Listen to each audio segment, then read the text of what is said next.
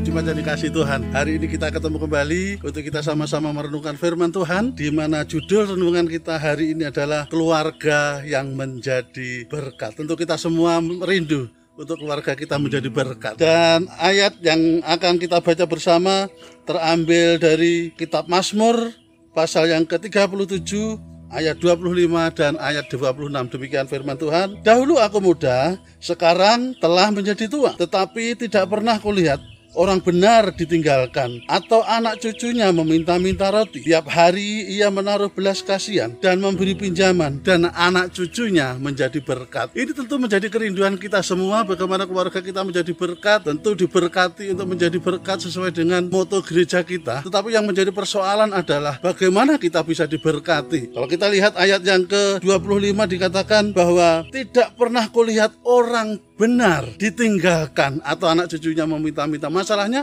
yang dimaksud orang benar ini bagaimana? Nah, tentu yang pertama yang harus menjadi perhatian kita adalah kita benar bukan karena perbuatan kita tentu tetapi kita menerima Tuhan Yesus sebagai Tuhan dan juru selamat maka kita akan dibenarkan oleh iman itu dibenarkan oleh pengorbanan Kristus setelah itu kita hidup di dalam kebenaran firman Tuhan maka apa yang menjadi janji firman Tuhan yang hari ini kita baca bersama. Anak cucunya tidak akan meminta-minta. Dia akan menaruh belas kasihan dan menjadi berkat. Oleh sebab itu kita harus benar-benar setelah percaya kepada Tuhan Yesus sebagai Tuhan dan Juru Selamat. Hidup kita, hidup di dalam kebenaran firman Tuhan. Tidak bisa tidak, tidak bisa ditawar lagi. Hari-hari ini khususnya kita harus hidup di dalam kebenaran firman Tuhan.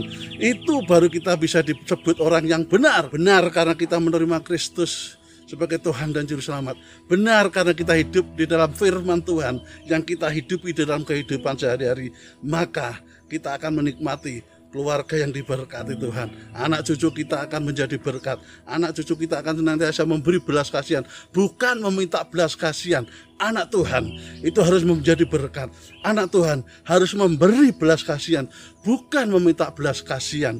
Kalau saudara-saudara masih ada yang hidup di dalam memerlukan belas kasihan orang lain, evaluasi hidup kita. Benar enggak kita sudah menerima Tuhan Yesus sebagai Tuhan dan Juru Selamat? Benar enggak kita sudah hidup di dalam kebenaran firman Tuhan? Kalau dua hal ini kita hidupi, maka firman Tuhan tidak pernah ingkar. Firman Tuhan tidak akan pernah lalai untuk menepati janjinya. Karena Tuhan itu ya dan amin. Dan janji firman Tuhan hari ini adalah tidak pernah kulihat orang benar ditinggalkan. Anak cucunya meminta-minta roti. Tetapi tiap hari dia memberikan belas kasihan, memberikan pinjaman. Dan anak cucunya menjadi berkat. Tuhan Yesus memberkati kita semuanya. Immanuel.